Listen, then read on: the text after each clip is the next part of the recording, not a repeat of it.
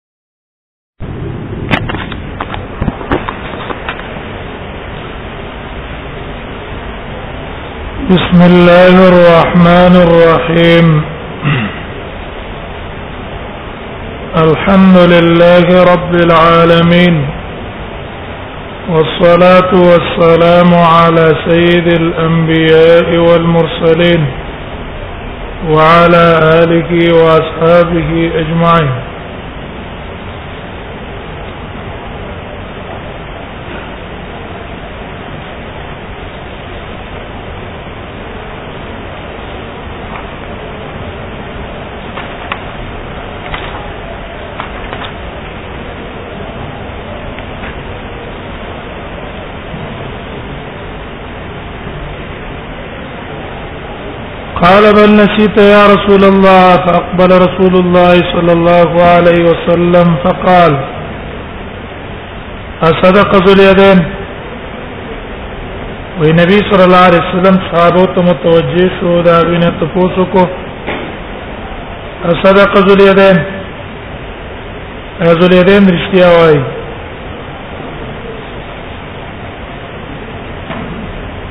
او ما ندیو ته اشاره وکړه یا نعم چې او رښتیا وای ظاهر د حدیث دلیل له پرې خبره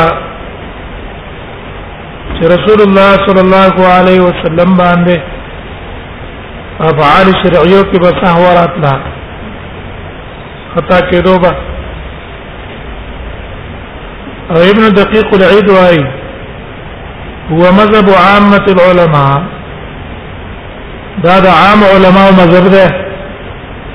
چې په نبی باندې په افعال شرعیو کې نشان راتلی شي او په حدیث د عبد الله بن مسعود کې براشم په دې باب کې رسول الله صلی الله علیه وسلم فرمایل انما انا بشر انسا کما تنسون هي اورل علماء دا هغه مذهب دا دی چې لا يجوز السهو په پیغمبر باندې سهو نه راځي نبی صلی الله علیه وسلم په ځان باندې نسیان عمدن راوسته قصدن او تعمد به کو د صورت د نسیان د دې لپاره خلق ته طریقه او خو عملا لیکن قول د دې علماء دا باطل نه وجد بطلان ادا دا چې رسول الله صلی الله علیه وسلم خبر ورکړی دی انسا کما تنسون زموجد بطلان ادا دا چې قصدن سره د عمل کی دا خو مبتل صلات ده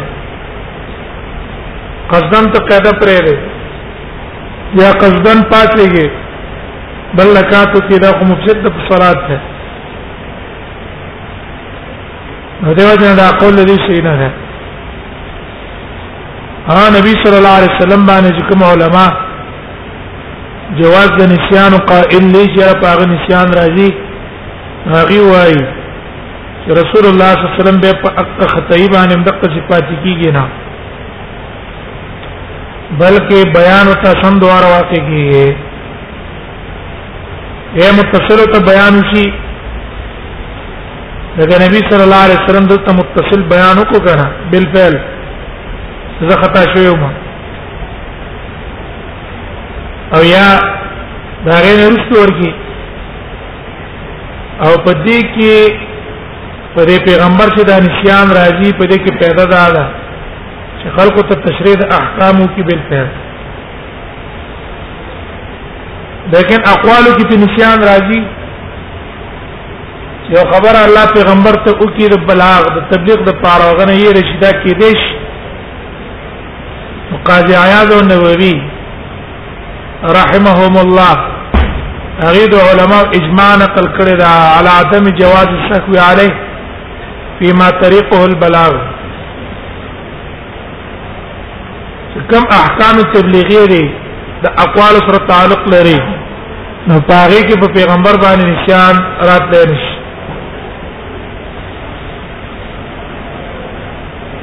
فرجع رسول الله صلی الله علیه وسلم الى مقامه نبی صلی الله علیه وسلم ته واپس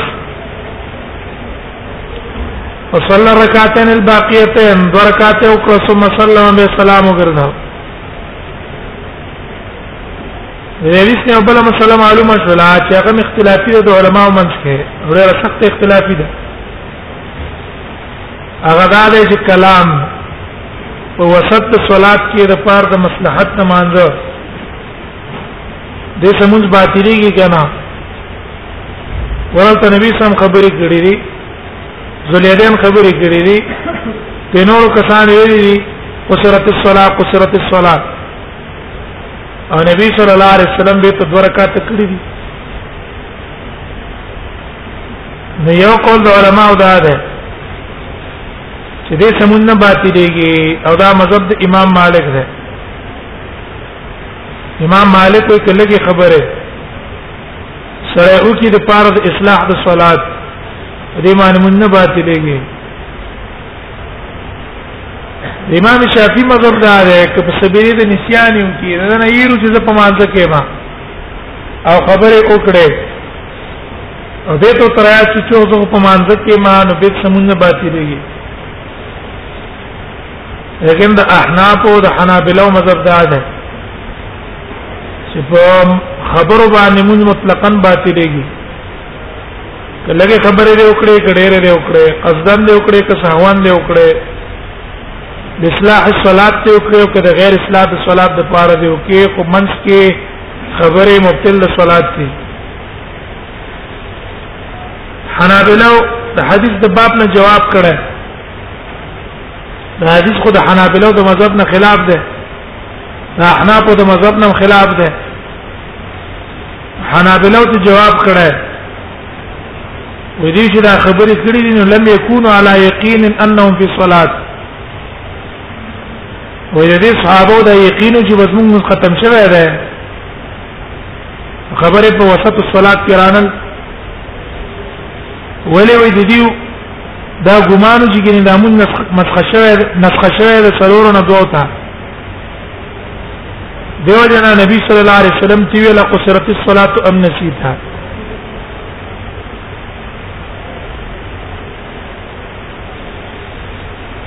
نو دا خبره خارج الصلاه چې داخل الصلاه نشوي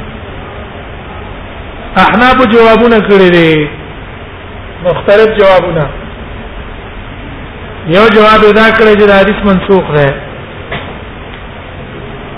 ناسخ الحديث د عبد الله بن مسعود ده باب رد السلام في الصلاه کې تیر شو او پاکي دي ان الله عز وجل قد احدث الله تكلموا في الصلاه وی الله دا حکم پیدا کړی چې مانځ کې به خبرې نه کوي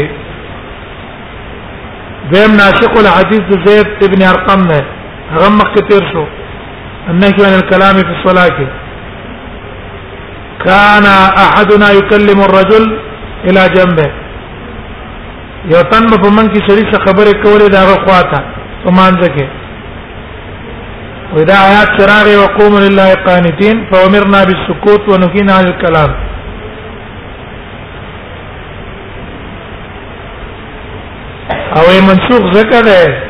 چې ذلیدین په بدر کې مړ شوی او دا قول د زهری نه نقل ده او عبد الله ابن مسعود او زید ابن ارقم روایت رسته ده هغه مخکې شو دا رسته شو اوس په دې ته اعتراض راځي چې ګوره دې حدیث ته زلیدین کې خو ابو هريره ده صلی الله بنا رسول الله صلی الله علیه وسلم احدى صلاه العشي او ابو هريره دا په خیبر کې راغله خیبر د بدر نه شپږ کاله په څلور کاله بعد ده په پنځه کاله نو دې دا جواب کړی دی چې کېدې شي ابو هريره دا روایت مرسل نقل کړي بل صحابي نه فلا واقع تاجر نه او امام تحاوی د خپل خبره د پاره دلیل نه ولا روایت عبد الله ابن عمر عبد الله ابن عمر ته چې حدیث ذلیدین پیش کو چې ګوره په حدیث ذلیدین کې په مانځ کې دنه خبره راغلي دي او منذ فاسد شوی نه ده عبد الله ابن عمر ته دا حدیث پیش کو او عبد الله ابن عمر هغه ته انکار کو فقال كان اسلام ابي هريره بعدما قتل ذو اليدين و اسلام د ابو هريره د ذریدین د مرګ نه بعد څه مطلب دا دلیل دی په دې چې ابو هريره خپل حاضر شوی نه دی او دا مرسل روایت ده لیکن دا روایت ته تحاوی ضعیف ده منکر ده مخالفه لروایت الصحيحين دې باندې تفرد کړی عبد الله ابن عمر ابن حفص العمري عبد الله ابن عمر ابن حفص العمري او دا عبد الله ابن حفص العمري ضعيف ده لکه تقریب کې دی زم امام تحاوی په نسخ باندې استدلال نه ولا عمل عمر وګور عمر بن خطاب هم د قصې د زریدین کې حاضر دی او داغه په دور د خلافت کې دغه شکار داغه سم شو او هغه مونږ سر نه راو ګرځاو سر نه راو ګرځاو نو کچرتا مونږ منځ کې خبره مبتل صلات نه نو عمر به سر نه را ګرځول نه امام تحاوی د حدیث ته عطا نه نقل کړي صلی عمر بن الخطاب د اصحابه عمر بن الخطاب خپل مرګرو ته منځ کو فسلم تر رکعتين دو رکعتونو کې سلام وګرځاو بیا را وګرځیدل فقيل له في ذلك چاو تل دو رکعت دی وکړه ويا غير اني جهزت عيرا من العراق باحمالها واقطابها يوم قافله العراق را روانه کړه سره د ساماننا حتى وردت المدينه فاكدي فصلى بهم اربع ركعات لیکن امام تحاوی چې په دې روایت استدلال نه ولري دا استدلال ټیک نه دی وجدار چې یو دا روایت مرسل ده سره د ارسال نه ضعیف هم ده ځکه مرسل د عطا په بارک علما وی اضعف المراسل امام احمد وليس في المراسل اضعف من مرسل عطا په مراسل کې د عطا ابن ابي رباح د مرسلات پرن کمزورې مرسل سره شته ده نه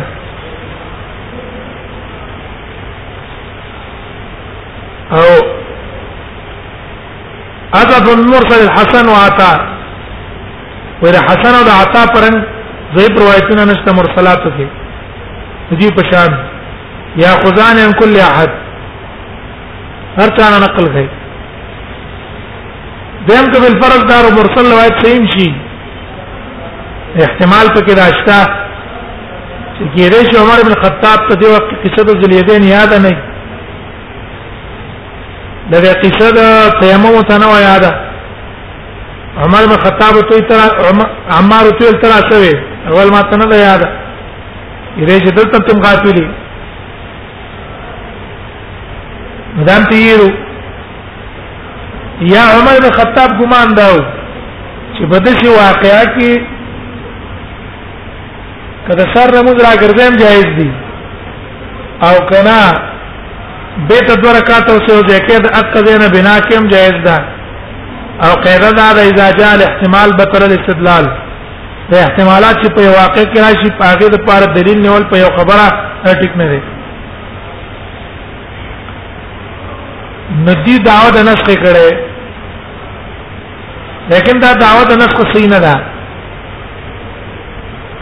احنا په کوم داوا د نسخ کړي دا صحیح نه ده وجدار حدیث د عبد الله بن مسعود په مکه کې کله چې د حبش نه واپس شو او کی خبره ته حبشو ته هجرت کړه واپس مدینه ته راغله او مدینه کې نبی صلی الله علیه وسلم تیاری بدر ته کوله نو سلام ته چوي جواب ورنه دی ورکړه دا دیم کال د هجرت ته یا مکه دا یا په مکه کې یا په هجرت ته مدینه کې او حدیث د زلیرین چې خبرې پکې شي وي دي دا په خیبر کې ده بس د خیبر نه ده ځکه ابو هريره د خیبر نه بعد راغلی ایمان راوړل پاتې شو دي چې دا کوم وجه وایي چیرې کې دې چې ابو هريره په مرسل روایت نقل کړي کسی تبازر نه دا خبره دې ټیک نه ده ولې مخکې مونږ بیان کړه چې ابو هريره رضی الله عنه په خپل وای چې زه دې واقع ته حاضر شوم ما كان يصلي مع النبي صلى الله عليه وسلم صلى بنا رسول الله او غيرما اصلي مع رسول الله اول ته مونږ ویلو امام تحاوی وې دي کې دغه د مجاز ده امام تحاوی کوم ارتکاب کړه دارنګي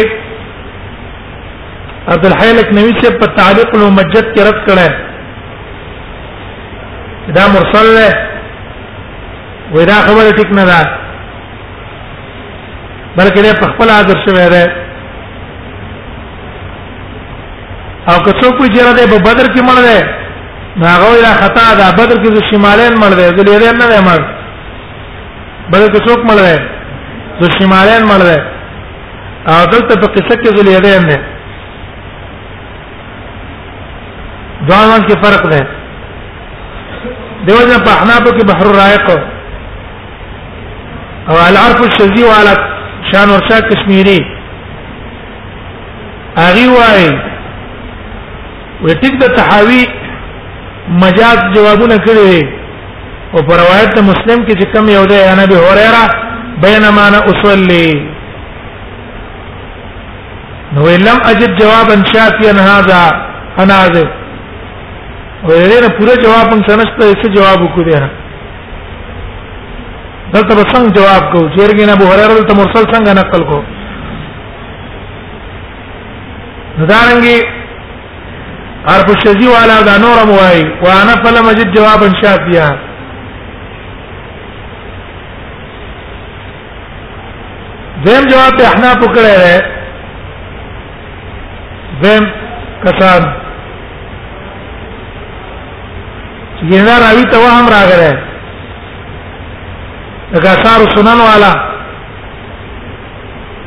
او عینی دا قول اصل کې عینی کړه دی د عینی اثار سنن والا نقل کړه وینا او بیان معنا اصلي اثر کې راوي ته هم راغله او دا روایت بالمعنا ده او دا صرف یحیی ابن ابي کثیر پر روایت کې دی بیان معنا اصلي مع رسول الله یحیی ابن ابي کثیر پر روایت کې صرف ده دي نور کسانو چې څومره روایت نقل کړي وي په کې بینه موصلی نشتا لیکن دا جواب هم د دې ډېر سخت کمزور جواب دی یحیی ابن ابي کثیر چې قراوی دی ثبت دی متقن دی رجع علماء وايي حديث احسن من حديث الزهري دا حديث الزهري ته روایت کوم صحیح ده داغه تفردات او داغه زیادت به څنګه قبول نه کمزور جواب نه پاتې شي دا نسخه بنا کړې ده په دې خبره یعنی دا ذل یدین په بدر کې مړ دی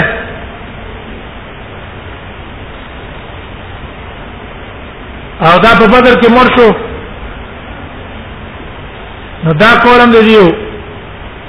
اصل کې بنا ده په دې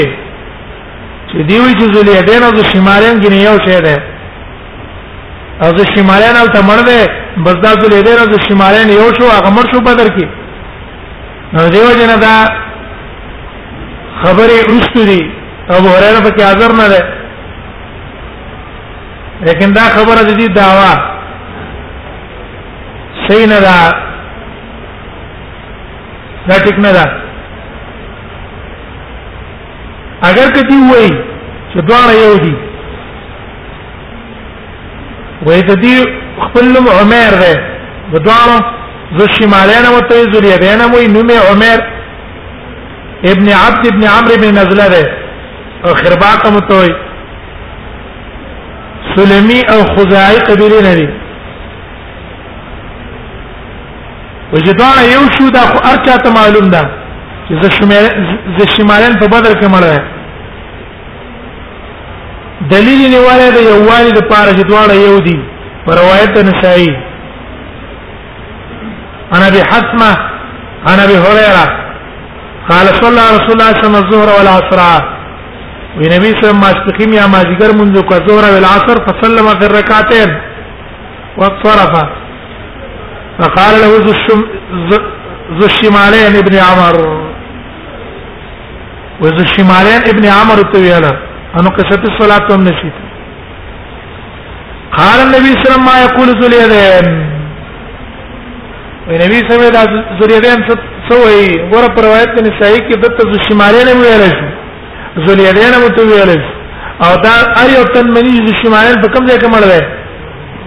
ابو بدر کې مړ دی دیوژن عینی شه شرح بخاری کې او ابن الترکمانی په جوهر النقی کې هغه وایي وی په دې حدیث کې تصریح ده په دې چې د شمالین او ذلیلین یو ده او وهذا اولى ودا اولاد یې دینه چې جدا جدا یو ګرځاو ځکه دا خلاف الاصل نه دارنګ دي استدلال نه ولا ده د دې خبرې لپاره د بعض علما په قول چې پاکي ابن سعد هم د طبقات کې ده ابن سعد په خپل طبقات کې انهما واحد دواړه یو دي آیا دا قول دی صحیح ده نه دا صحیح نه ده غلط ده دلیل غلطوالی هغه دا ده ابن رسلان په شرط ابو داود کې وایي وللناس خلاف فيما يتعلق بذل اليدين في موضعين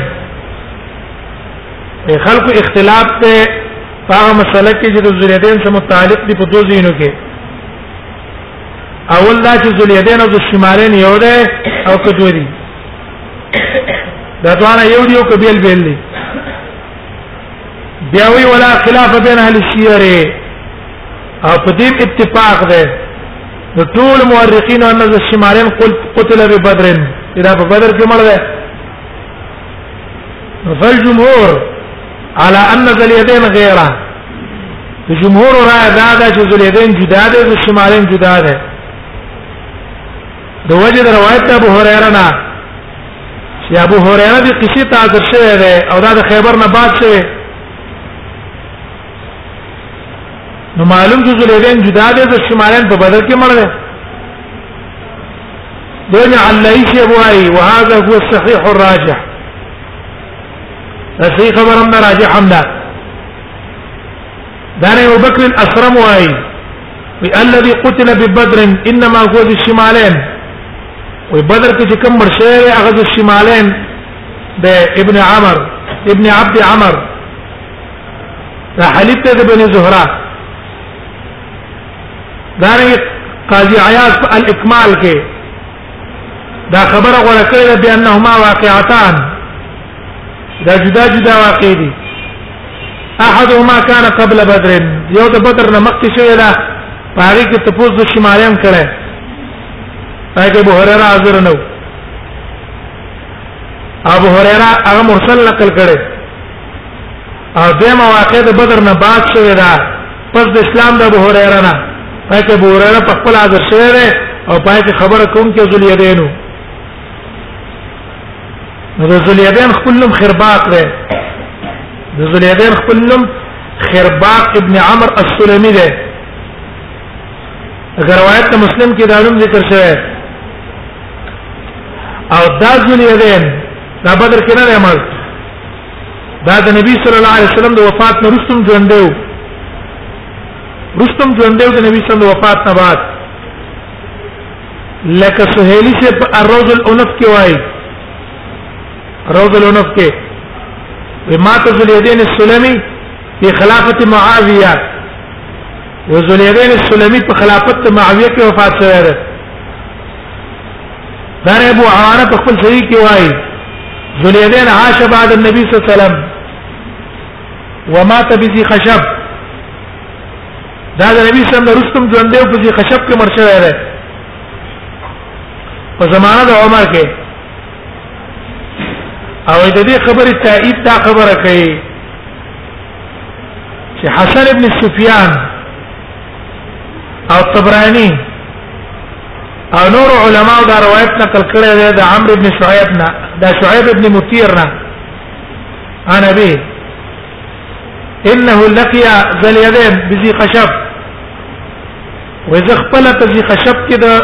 ذل يدين سره ملاو شوی ما فحدث ان النبي صلى الله عليه وسلم صلى بهم احدى الصلاتين یا دې چې موږ ته بیان کو چې نبی اسلام موږ ته یو تو منظور ما ماسپخین نه رسته یو مونږ راته کو فصلى ركعتين واخرج سرعان الناس فذكر الحديث دا انتهيت دیوجن حافظ ابن حجر فتح الباري کی وای قد اتفق معظم اهل الحديث اکثر محدثین په اتفاق ده على ان ذي الشمالين غير ذي اليدين و امام شافعي په دې تصریح کړی دا په اختلاف الحديث کې حکم حدیث باندې دې استدلال نه ولې د نسائی دا غي جواب دار چې روایت شاذ ده روایت څه ده شاذ ده شاذ دغه په عام روایت د ابو هريره کې لفظ ذل يدين ده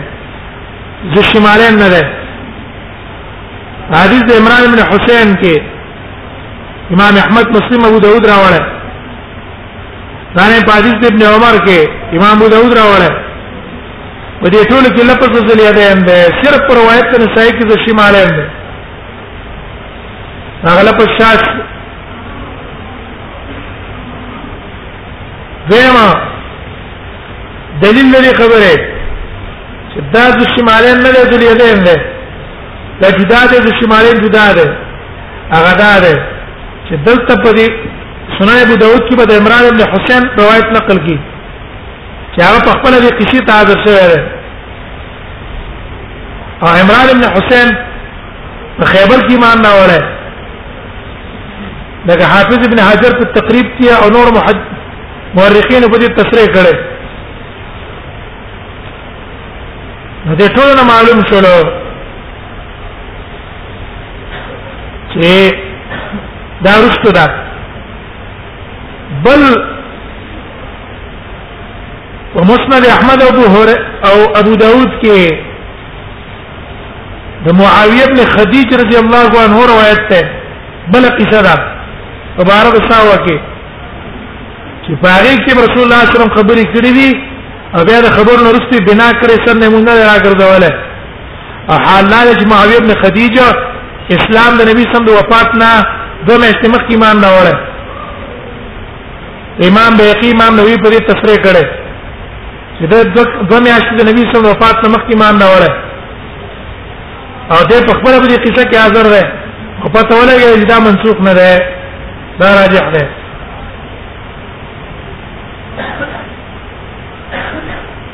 دا دې چې کوم جواب کړي کوم جواب د نسخ دا ټیک نشو او روایت له شعیب عن دې استدلال اونیو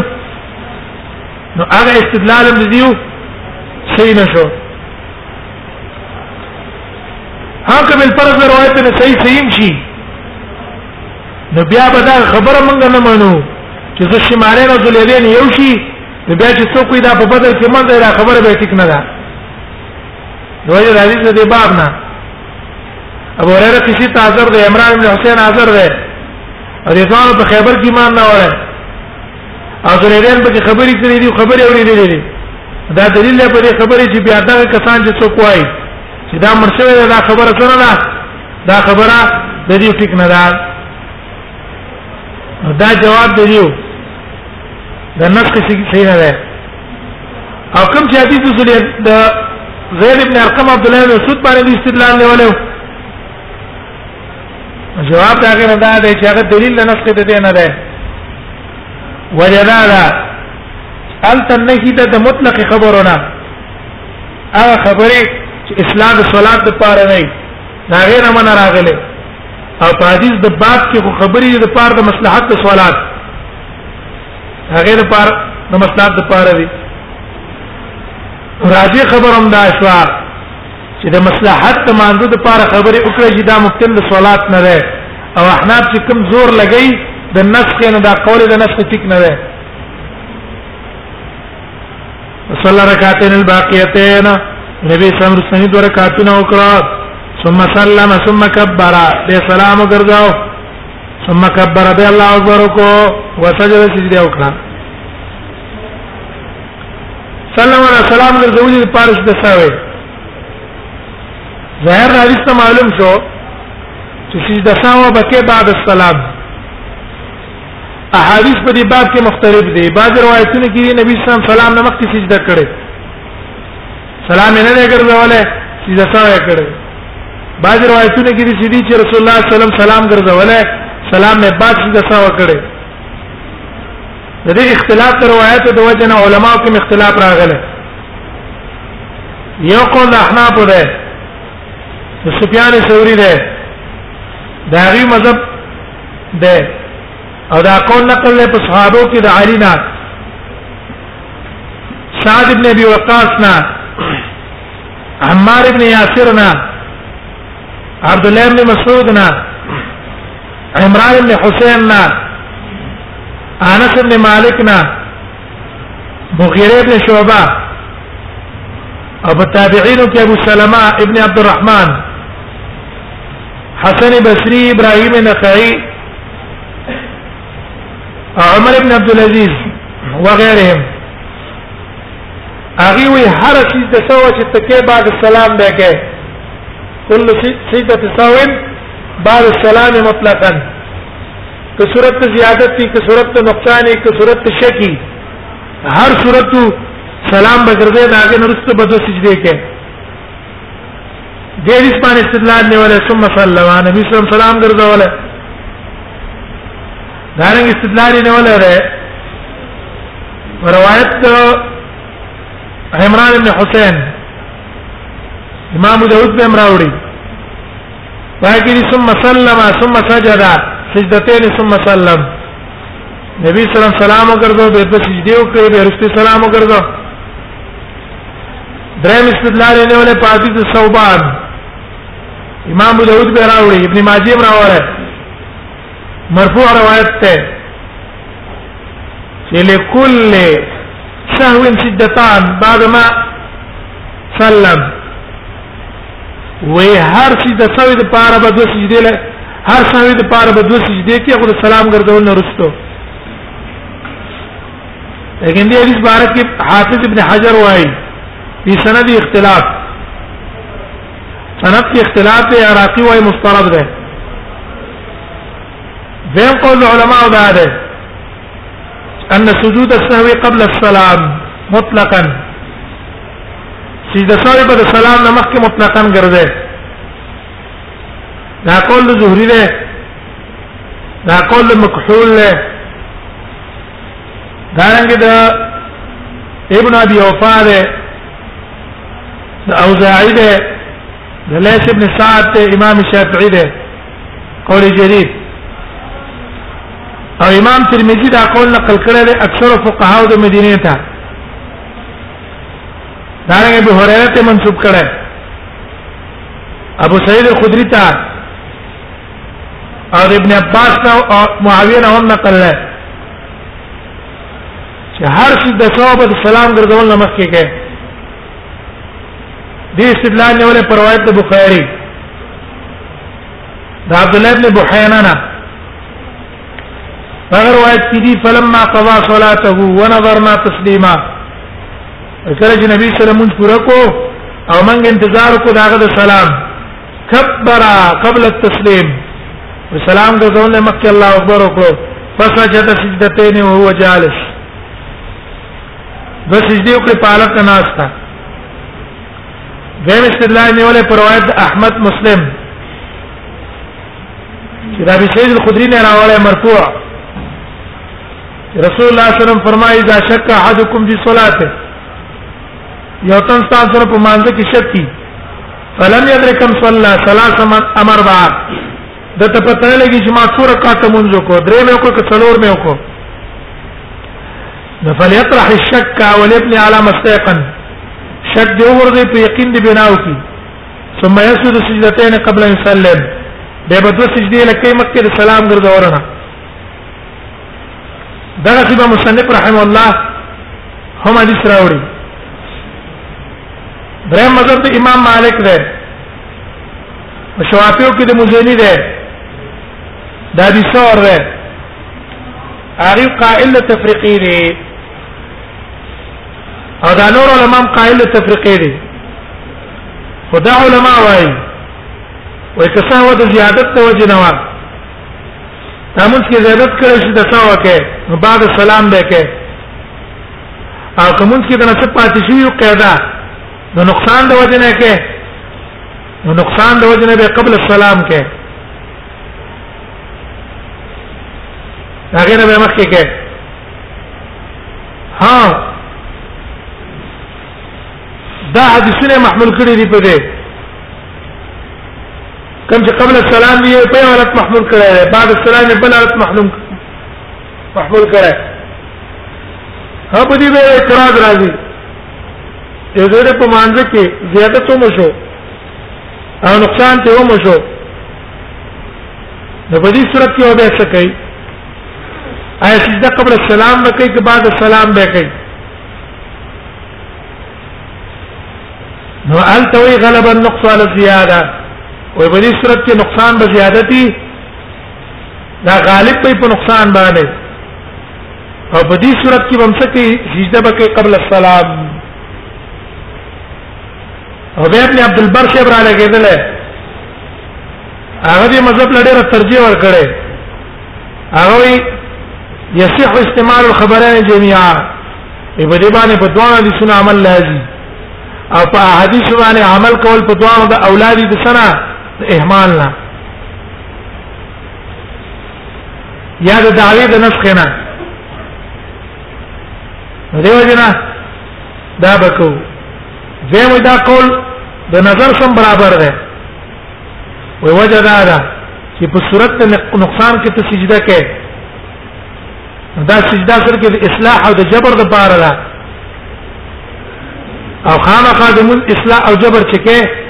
دا به قبل الخروج من الصلاه بکې تکې دې نشي ته مانځنه وته او به د مانځه څه کې اصلاح جبر کې او په صورت زیادت کې دا د جبر د پاره ونه نه کنه ترغیم للشیطان دا دیو جنت سلام نه بعد وکړه لیکن دا حدیث د باب په دی باندې راکړي حدیث د باب پر راکړي ګوره د رسول الله صلی الله علیه وسلم څه چل کړي نقصان کړه کنه او بیا رسول الله صلی الله علیه وسلم څوک ثم سلم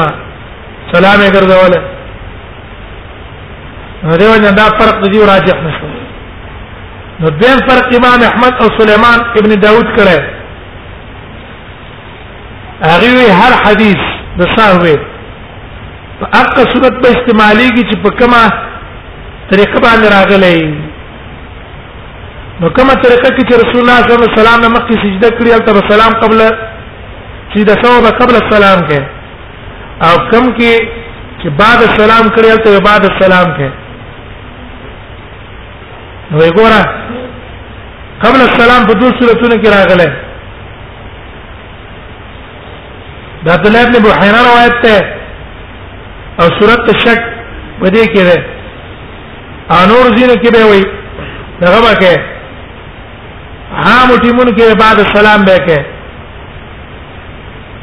دا دې قول له داوود ظاهری دغه وای ابن حزم ابن حزم ظاهری قولم ده هغه فرق کوي هغه دا ویلي دا وې صورت فرق چې کوم کې د فرق صورت وې پاغه پاغه صورت باندې بل دا داوودي ظاهري قول نه لري چې هغه وې چې د سه هو صرف په دقه ځینو کې جایز ده چې په کوم ذکر رسول الله صلی الله علیه وسلم کړي او نور ځینو کې چې د سه وینسته که ارسونه خطا شي سره کې دی نه صرف په دقه ځینو کې به کې چې کوم ځای کې رسول الله صلی الله علیه وسلم خطا شوی لکه دلته یا کم کې رکعات زیات کړی یا قاعده پرې یا صورت شک او په نور ځینو کې نشتا دغه را لګېدل دی راجح مذهب په دې کې څه دی راجح مذهب هغه دا ده چې جواز التوسع الامر على التوسع دې کې وسعت ته کې قبل السلام کې کې بعد السلام کې په هر صورت کې رکوع دا سجده ته نه پاتې شو زیادت دا زیادت تر او شو نقصان در او شو ولا قاعده نه پاتې شو پنځه رکعات دې وکړستا خو غلا قبل السلام کې کې بعد السلام کې دیو جن صنعانی سے هم دې قول ترجیح ورکړي وای دا ټول صحیح دي دا هغه لپاره شواهد راوړي بیا وی ول اشبه بالثواب جواز الامرين جميعا وی صحیح دا چې دا ټول کار جایز دي دغه څه قول به هیڅ هم کړه چې دواړه قولونه جایز دي کومه طریقه تا وکړه خدام جن کې کېنه وایي چې دا اختلاف د دې په څه کې ده دا په افضلیت کې ده کې کری په دې اتفاق ده چې کومه کې اقا څه کوا هغه کوا بس راجح دا شو الامر على التوسعه آسان مذهب ده دا پر کونه بچو ګوري دا زیادت شو کدا شک شو کدا یقین شو دا فلان شو دا علماء په دین کې نه کینی دا عام په دین کې بچ کینی بس خبر علی التوسعه ده قبل السلام کې بعد السلام کې سبحانه وتعالى اساجد السجود واطول یا راغې نوګدا ثم رفع وكبر به سر راپورته کو الله اکبر وکړو ثم كبر به الله اکبر کو سجد مثل سجود او سجده وکړه په شان ته داغه سجده او طول یا داغه نوګدا ثم رفع وكبر به سر راپورته کو الله اکبر وکړو غیر محمد محمد تو ویل شو سلم تساوي چې د سړي لپاره سلام ګرځولې قال محفظ ما ته یاد نه ده به ورنه تخپلا ولكن بيت ان عمران بن حسين قال هذا عمران بن حسين پر روایت کې ده دي چې سلام یې ګرځول نه قال ثم سلم خود ته نه معلوم کني دې روایت کې خپل د ابو هريره کوم ثم سلم ده کنه ده سلام یې ګرځول نه خود ته دا نو معلوم چې کني دې کې سلام ګرځول نه ځکه وي نو بیتو اوس دا حدیث بیا راوړي په بل سند قال صلى الله رسول الله صلى الله عليه وسلم لم يقل بنا وي رسول الله صلى الله عليه وسلم کو خدا له پزنه نه ویل چې صلى الله بنا چې ګینه مونږ ته مونږ کو پای کې دا دي چې رسول الله صلى الله عليه وسلم مونږ کړه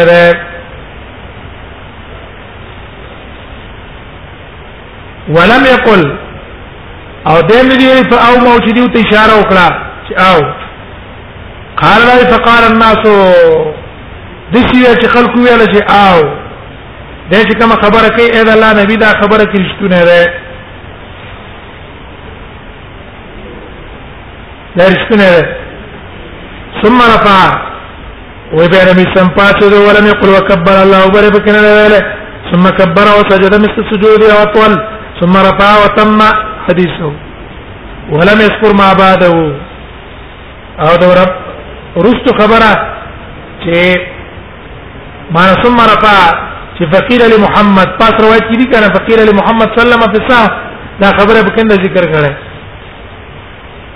او ولم يذكر فومو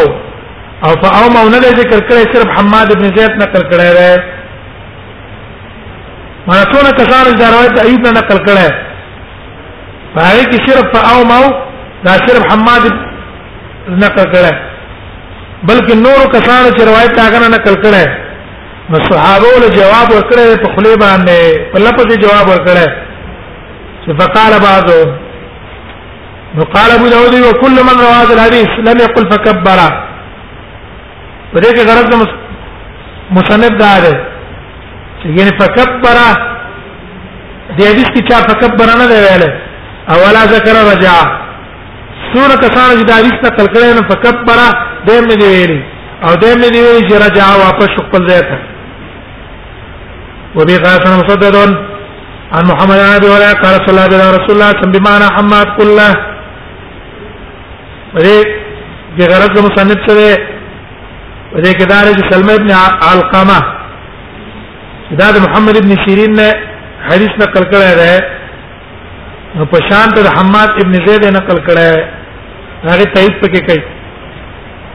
قا الى قول نبيت ان عمران بن حسين قال ثم سلم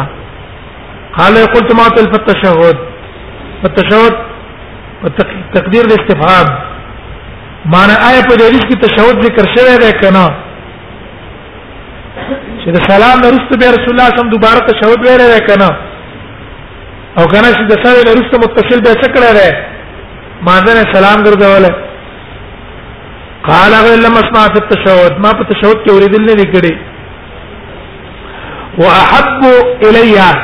په دې ټول کې ماته محبوب ده د ان تشهد چې سره تشهود وي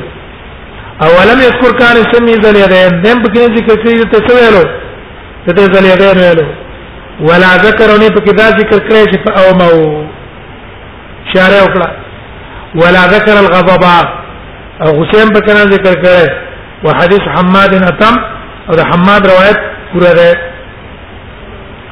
او دا څلورم حدیث راوړي عن محمد بن ابي هريره في قصه الزليلين انه كبر وسجد دغه غرض له مصنف څه ده غرض له مصنف په دې حدیث راوړو کې اشاره وځي تا چې راویان اختلاف کړي په اثبات التکبیر الاول لسجود السهو چې دا څه ویل چې پلو دلته تکبیر کړه نه کنه نه کړه مخکې د تکبیر د سجده اولا نه یو هغه سجدي انتقال تکبیر نه اخو شتشتا دیمه هغه تکبیر د احرام نه چې ته زیاتی تکبیرو کې د پاره د چې دا سوي د کړه نه کنه ده په دې کې د علما د روات اختلاف ده حاصل د اختلاف دا ده وي حماته حدیث نقل کړی د ایوب نه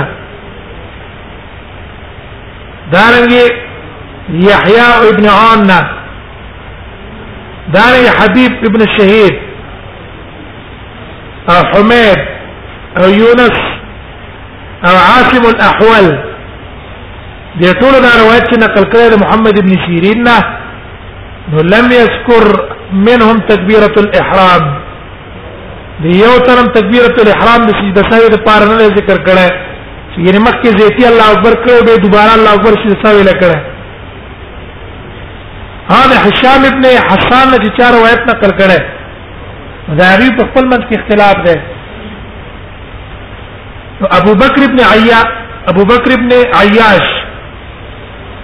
حماد ابن زید حماد ابن زید هغه چې د هشام روایت نقل کړي ان محمد ابن سیرین دا هغه په کې تکبیر ته احرام نه ذکر کړي په شان ته دا ولنو او حماد ابن زید چې روایت نقل کړي هشام محمد نه نو هغه په کې څه کړي ده هغه را لګیدل تکبیر ته احرام لسجود نقل کړي نو دیو جن په دغه روایت باندې امام مالک قول کړي په روایت کې وي تکبیرۃ الاحرام ولکه ځکه دا مستقل منځ په شان ده محتاج دی احرام جدیده ته او هر چې دیمه قاعده ده دا غیر پر احرام نشته په شان تر سجدي تلاوت لیکن د جمهور علما مذهب دا ده چې نه مستقبل تکبیر ته ضرورت نشته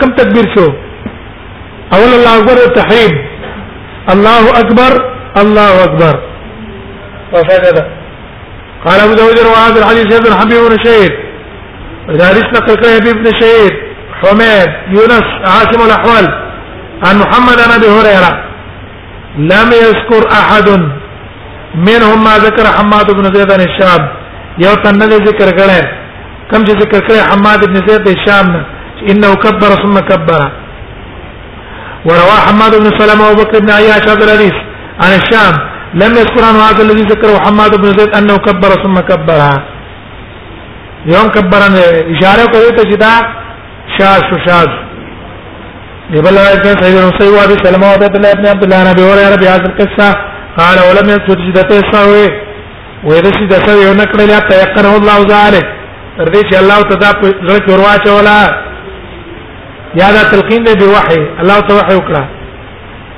یو تر رايات شو چې کله د خلکو نه تاسو وکړو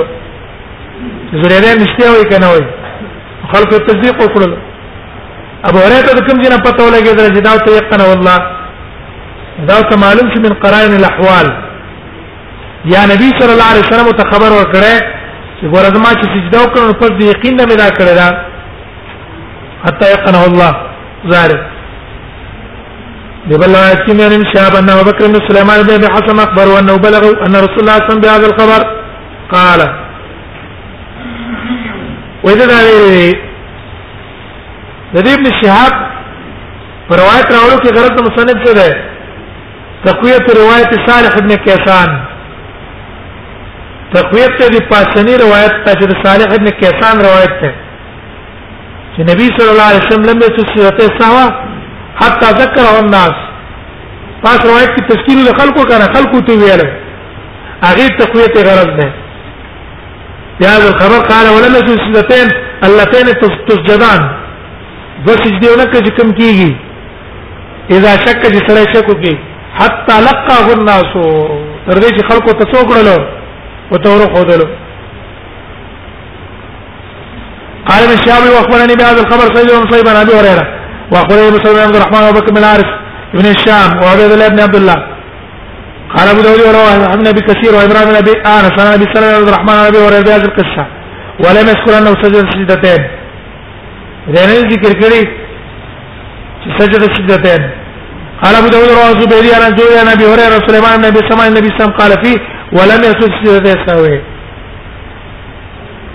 دې غرض سره قال ابو داود حاصل دا ده غرض ته مصنف رحم الله په دې قال ابو داود ذکر کولو کې هغه دا ده چې روایت زهري په بار د سدسو کې مسترب دي دا روایتونه څه دي مسترب دي په بعض روایتونو کې دي چې رسول الله صلی الله علیه وسلم سدسا وکړي وکړه په بعض روایتونو کې سکوت ته په بعض روایتونو کې سری ولم يذكر انه سجد سجدتين سکوت ته کنه په بعض کې سکوت شو په بعض کې صریح دی په دې کې چې لم يسجد سره د سجدي کړی نه دی مجکلا روایتونه د مستربي هغه روایت سره اعتبار نه نو دې وجه د زهري روایت له سند شته چې د څو کې اعتبار شته دی نه د وجه ابن عبد البر سے بوای قد استرب الزهري په حدیث زلیدین استرابا وې زهري په حدیث زلیدین کې مسترب شوی دی په داسې استراب اوجب عند اهل العلم بالنقل ترکو د ټول علماء په نسبت باندې دا خبره لازم ده چې ترکه من روایته دا ده خاص روایت په منګه په ذل لساوه کې نه اخلو ولا اعلم احد من علم بالحديث ابو محدثين کې من ته څوک نه معلوم چې هغه څه چل کړي اول على حديث الزهري اعتماد کړي په حديث الزهري په حديث الزهري کې نو دیو جن چې اعتماد پنه شو نو چې زهري کوم قول کړی دا احناف مذهب په بنا ده چې ګینه ذلیدین ذلیدین قتل به بدر دا قول متروک شو څه پیښی قول هم داغه څه شو هغه متروک شو نو چې قول داغه متروک شو دا احناف مذهب ټول بنا پچاو په قول د زهري دا خبره غلطه شوه ولم يسجد تسو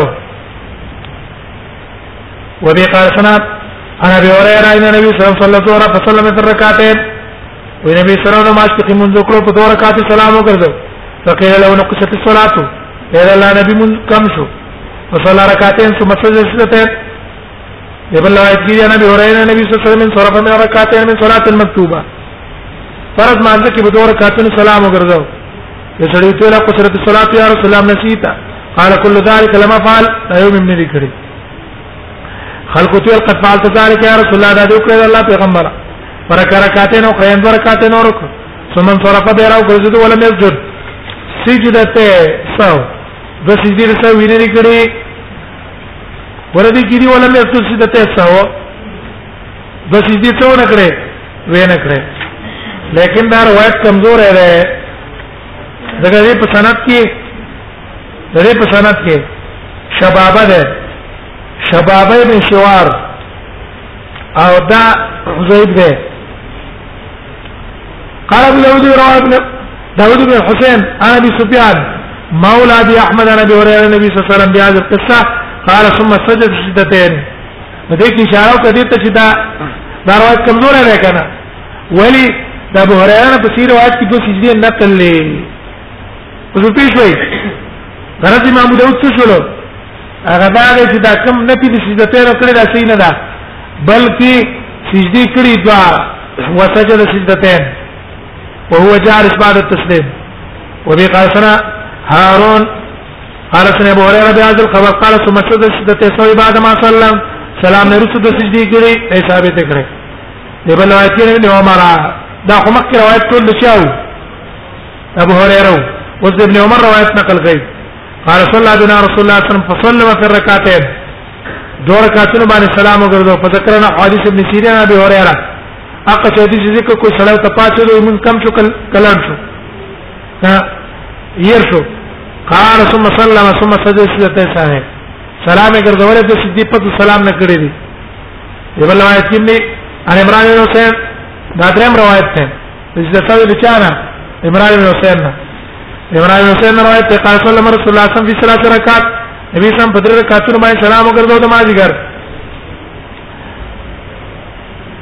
مخکې روایتونه کې دي چې دوه رکعات باندې سلام ګرځول او په دې رکعات دې کې دي چې درې رکعات کړي په درې رکعات سلام ګرځول دوه روایتونه مل کې منافات نشته یا خو هغه جدا واقع ده د عمران بن حسین واقع جدا ده او دې تعدد واقع ته ابن خزیمه اعلان کړه او دا رنګي نور کسانو پسې تله او کوم علما چې وینه قصه یو ده یو ده او حافظ ابن حجر وايي چې راجح همدار چې تعدد د قصو نه ده قصه یو وا هغه را لګی دی هغه د حدیث کې به تعویل کړی دی تعویل هغه دا چې سلام وګرځو په دریم رکعت کې سمانا دریم رکعت ته پاتې دوه کې په ابتدا د دریم رکعت کې او درستنو دو رکعاتو په اخر کې روایت ابو هريره څخه شلو موافق راغی او که تعویل پکې نه کې روایت ابو هريره ارجح ده موافقه ابن عمر له ولی پاس ابن عمر داغه سره موافقت کړی چې دوه رکعات سلام ګرځوله لیکن شوکانی صاحب را لګیدل دی هغه ترجیح ورکړي د قول ابن خزیمه لرا وی والراجح ما قاله ابن خزیمه وی راجح قول هغه چې ابن خزیمه کړی دی او کوم چې په ابن خزیمه په شتري چې دا واقع متعدد دي وی وجه دا ده چې دعوه الاتحاد تحتاج الى تاويلات متعصفه سوچ دعوه د اتحاد کې چې دا واقع یو دي نو دا محتاج دي هغه تاويلات ته چې هغه سری ګران تاويلونه دي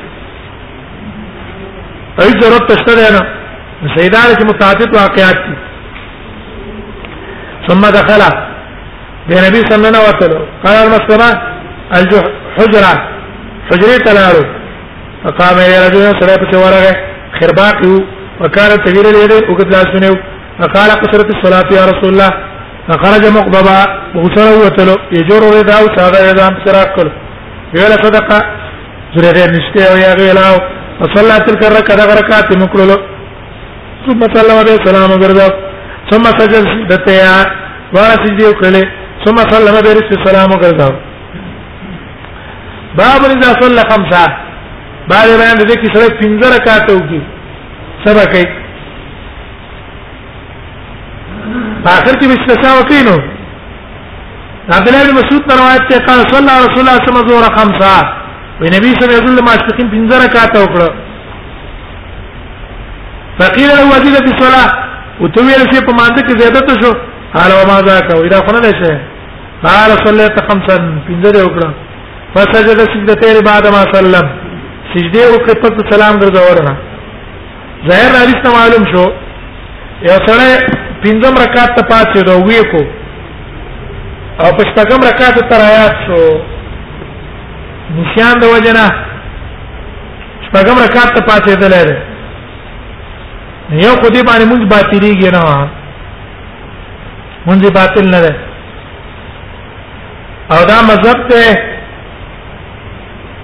د امام مالک امام شافعي احمد او جمهور من السلف والخلف او په هغه ځای به کینی او چې د ثواب کوي چې د ثواب کوي نو که په پنځم شپږم رکعت کې ولاړو او قبل فرض سلام ګرځولې و چې توريات شو نږدې مونږ به کوي دښه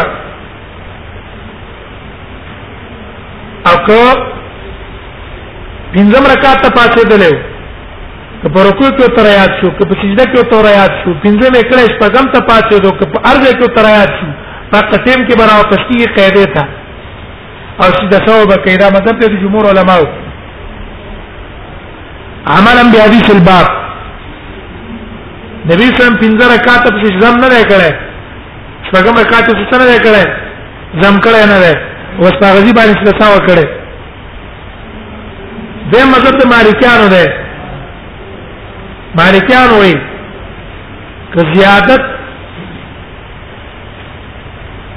او ترایات چې پس سلام نه نو سم دا به سجده کوي اگر که فصل په ډیر تیر شوی چې دا ثواب کوي دا غیم دا مذهب ده لیکن د مخکینی علما مذهب دا ده چې فصل ډیرو نو بیا به سر نه مونږ راګرځي او که فصل ډیر نو مونږ به کوي احناب وای وای ته پنځم رکعت ته پاتې دو او سجده باندې پنځم رکعت یې څنګه وکړای سجده نه وکړي نو به ته په قاعده باندې کینی او سجده سوا بکای که پنځم رکعت ته پاره سجده وکړه او څلورمه قاعده نه وکړي نو فرض باطل شو یو رکعت به سم کې دا باندې خپل ګرځي به تبصر نه مونږ راګرځي او که قاعده کړې و او پنځم رکعت ته پاتې دو او دا پنځم رکعت په څه باندې مقید کو په سجدي مشتګم رکعت به کې رستنی به نه پلشي څلور به نه پلشي دیو نه استاد دې نقطه کې لري دي چې هو محمول عندنا انه قاعده الرابعه چې په څلورم ناستو او پنځم ته پاتې دلو او دا کړې و لیکن د دې احناف سره هیڅ دلیل په دې باندې نشته څه دلیل د حدیث څخه نشته صرف چې قاعده جنگولې یعنی اوله اخره قاعده فرض وا چون کې هغه ته پاتې شنو مونږ دې باطل شو او نه په لوګر دی دا څه قاعده ده دغه حدیث باندې جمهور قول صحیح ده هغه باندې عمل کوي يبل روایت کې القما قال عبد الله صلى الله رسول الله صلى الله عليه وسلم وي نبی صلی الله علیه وسلم منځ کړو قال ابراهيم فلا ادري ذا دم نقص ما ته پته نه زیادت ته کو کو نقصان یو کو فلما سلم کړي سلام ګرځاو قيل له يا رسول الله تو رسول الله پیغمبر حضرت صلوات شي مانځه کې پیدا شي ویری قال ما ذاك وي څه چل شوی قالو جو ته صلیت کذا وکذا تا دور دور رکعات وکړلو فتن نارج له نبی سم استغفار افتا وکړه واستقبل قبله قبله ته مکړلو فسجد سجدتين دو سجدي وکړلې ثم صلى عليه السلام وګرځاو فلما فطل کله سلام وګرځاو خپل علينا یو جرام توجه شوم باندې په خپل مخ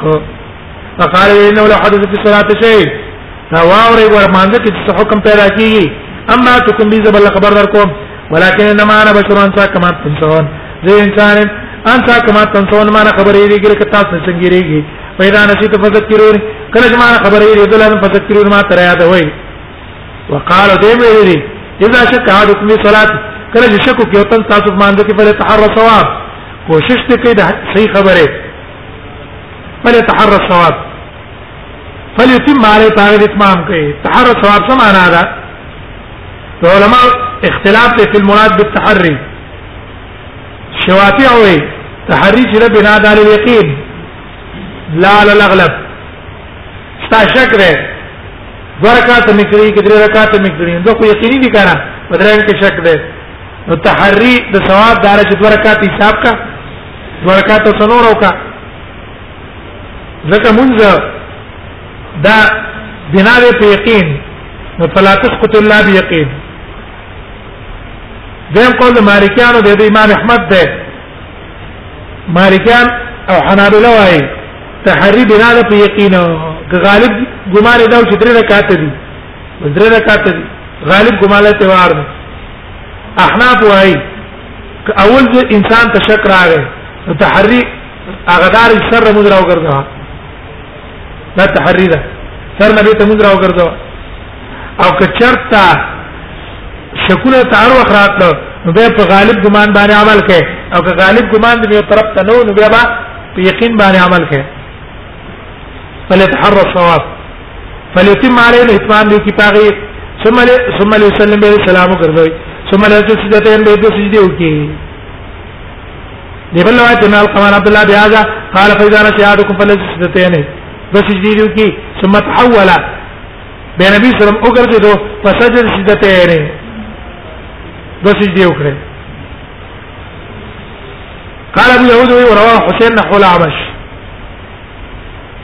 څه مطلب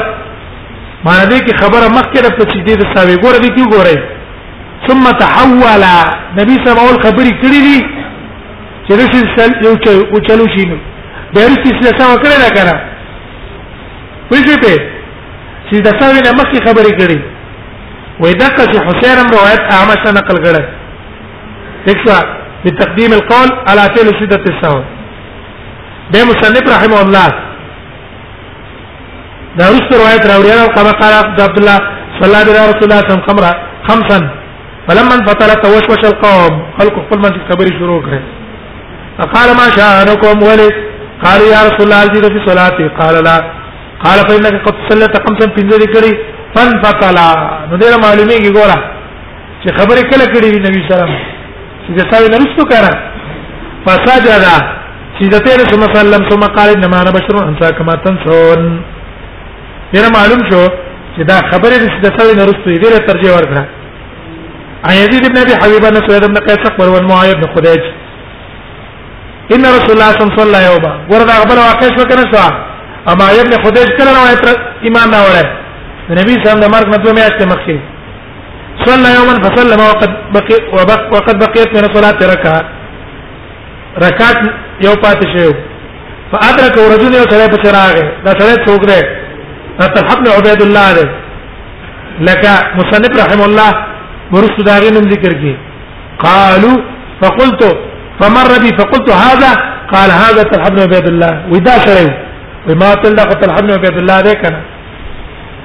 فدخل الم فرجع فقال دو كيرا نسيت نسيت من الصلاة ركع نقول دا بلا واقع شو کنه شو او خبرې پکې شي او د نبی صلی الله علیه وسلم د مرګ نه دا مشته مخکې را واقع شوې ده بلکې دو مشته مخکې خو دی ایمان نه وره دا غي نه مرسته شوې ده فرجع